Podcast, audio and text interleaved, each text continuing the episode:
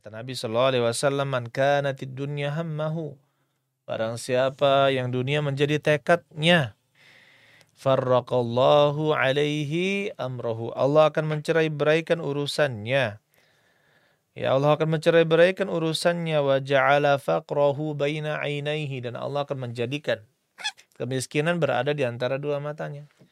Maksudnya dia melihat ke kanan, ke kiri, melihat ke kanan, ke kiri, melihat orang lain itu selalu merasa kurang.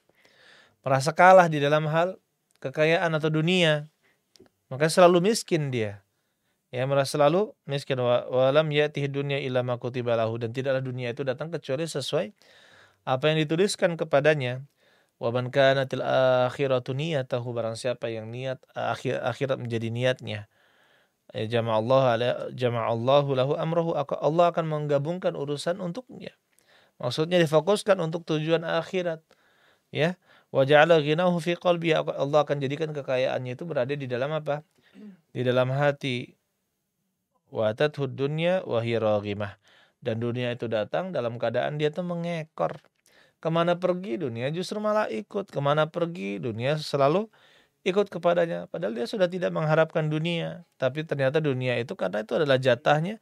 Selalu dia mengikuti ya, orang tersebut. Sebagaimana ya ikhwan, kalau misalkan kita mendapatkan ada cahaya terang di satu tempat, yang lain tuh gelap gulita dan ada cahaya terang, ada cahaya yang terang. Kalau kita mendekati cahaya, kalau kita mendekati cahaya, semakin kita mendekati cahaya, maka bayangan kita itu selalu berada di mana? Di belakang. Bayangan kita selalu berada di di belakang. Semakin kita dekat dengan cahaya, bayangan itu pun semakin be besar. Apakah dia lepas dari dari dari kita? Jawabannya tidak. Bayangan itu terus ya di belakang kita. Sebaliknya kalau kita jalan berlawanan arah dari cahaya tersebut, membelakangi cahaya, maka kita akan mendapatkan bayangan kita. Semakin kita menuju bayangan kita, maka semakin kecil bayangan tersebut dan semakin jauh dari cahaya tersebut.